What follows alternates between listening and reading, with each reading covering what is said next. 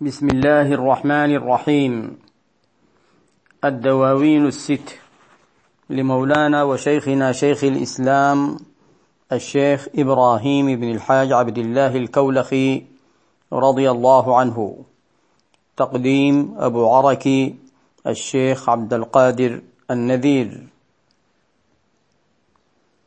التسجيل رقم 53 صفحة 67 من نسخة الديوان. قال رضي الله عنه شهودي لعين الذات طيب للعيشا قديما أتاني نوره حيثما غشا.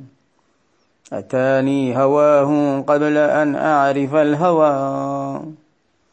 فإني محب المصطفى الدهر ما غشا عليه صلاة ربه حق قدره بها حيثما ألقى الأمين العلي بشا. عليه صلاة ربه حق قدره مدى الدهر من عبد خديم له هشا. عليه صلاة الله ثم سلامه. صلاة تزين العبد والطرس والنغشا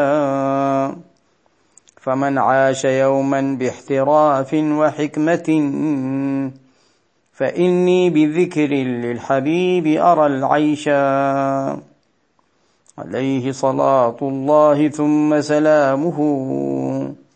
بها أبدا ألقى الذي يورث الطيشا على الدرة البيضاء أزكى صلاته. صلاة وتسليما تضيء لنا الغطشا عليه صلاة الله في كل طرفة. بها يلتقي الأعداء من حضرتي بطشا عليه مع الآل الكرام وصحبه. صلاة من المولى ترش بها رشا. أقول مستعينا بالله سبحانه وتعالى مستمدا من أبوابه.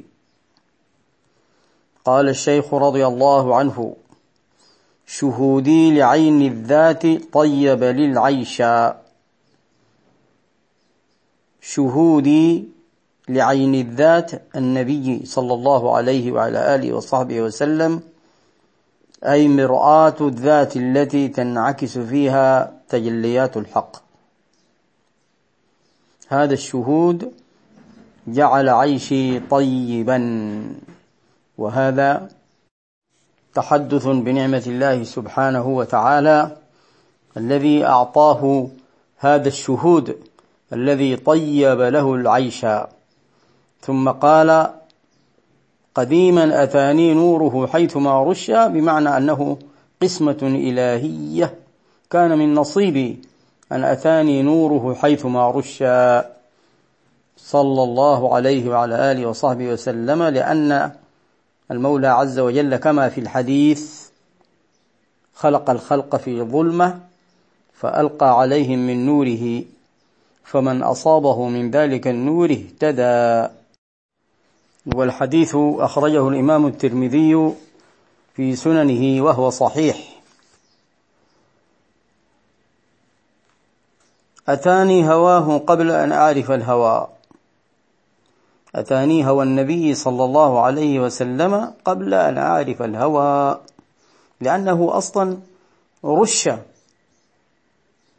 فيه وفي قلبه وفي حقيقته عندما رش المولى سبحانه وتعالى الهداية في القلوب فكان نصيبا كبيرا له رضي الله عنه وقد اقتبس آه هذا الشطر كما كما اقتبس غيره من قول الشاعر أتاني هواها قبل أن أعرف الهوى. فصادف قلبا خاليا فتمكنا.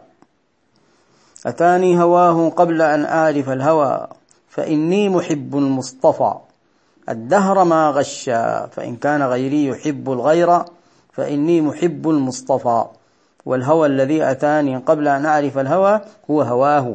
صلى الله عليه وسلم الدهر ما غشا طول الزمن ما غششت. إنما حبي حقيقي صادق. عليه صلاة ربه حق قدره قدر قدره العظيم صلى الله عليه وسلم.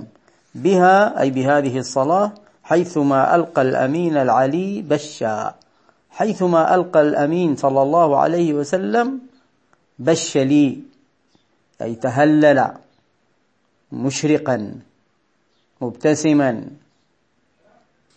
عليه صلاة ربه حق قدره كررها مرة أخرى. وهو من الإطناب المحمود. وهناك كما مر أكرر تسليم الحبيب تلذذا مدى الدهر من عبد خديم له هشا. مدة الدهر أنا أصلي على عليه صلى الله عليه وسلم حق قدره ومقداره العظيم من عبد خديم. عبد فسرها بخديم له لسيدنا المصطفى صلى الله عليه وسلم هش هش له. هش بمعنى رحب وفرح وانشرح الصدر. عليه صلاة الله ثم سلامه. صلاة تزين العبد والطرس والنقش. صلاة على النبي صلى الله عليه وسلم من طيبها أنها تزين وتزين العبد نفسه اللي هو الشيخ والطرس الورق الذي أكتب عليه المديح والنقش نفس المكتوب من الثناء عليه ومدحه صلى الله عليه وسلم. فمن عاش يوما باحتراف وحكمة فإني بذكر للحبيب أرى العيش. فمن عاش يوما كما يعيش الناس جميعا باحتراف بمهنة وحكمة فإني بذكر للحبيب أرى العيش. أنا أرى العيش هو ذكر الحبيب صلى الله عليه وعلى آله وصحبه وسلم. وقد قال صلى الله عليه وسلم لأبي رضي الله تعالى عنه عندما قال له أجعل لك صلاتي كلها قال إذا تكفى همك ويغفر لك ذنبك. وذلك الأخ الذي جاء يشتكي أخاه العابد الجالس في مسجد النبي صلى الله عليه وعلى آله وصحبه وسلم قال له الحبيب صلى الله عليه وسلم لعلك ترزق به. عليه صلاة الله ثم سلامه. بها أبدا ألقى الذي يورث الطيش يتوسل بالصلاة على النبي صلى الله عليه وسلم وبسببها يسأل الله عز وجل أن يورثه دائما الطيش. والمقصود بالطيش هنا هو الاستغراق في الحضرة والفناء والمراقبة الدائمة والشهود. والمعرفة. ثم قال رضي الله عنه على الدرة البيضاء أزكى صلاته. أزكى صلاة الله عز وجل على الدرة البيضاء والدرة أصلها الجوهرة الجوهرة البيضاء. ولكن هذا مصطلح كما مر علينا في القصائد الماضية مر علينا هذا المصطلح. وقلنا عند السادة آه، العارفين بالله عز وجل هم يقصدون به الحقيقة المحمدية. ومرة يسمونها العقل الأول أو العقل الأعلى أو النور الأول أو الإمام المبين أو غير ذلك من أسمائهم كلها تدل تدل على حقيقته صلى الله عليه وعلى آله وصحبه وسلم التي هي حقيقة الحقائق ولولاها ما كانت حقيقة. على الدرة البيضاء أزكى صلاته صلاة وتسليما تضيء لنا الغطش. هذه الصلاة والسلام تضيء لنا الظلمة تجعلنا في نور وفي ضياء وفي علم وفي معرفة. عليه صلاة الله في كل طرفة يعني في كل رمشة عين. بها يلتقي الأعداء من حضرتي بطشا يعني كل من عاداني من هؤلاء الأعداء الذين يعادونني بغير حق يلتقون من حضرتي بطشا أخذا وعقوبة. عليه مع الآل الكرام وصحبه. صلاة من المولى ترش بها رشا أي تمد بها مدا وكما بدأ بالرش الذي ذكر في الحديث كذلك انتهى بالرش الذي يكون من المولى سبحانه وتعالى على عباده. والله أعلم ونواصل إن شاء الله تعالى.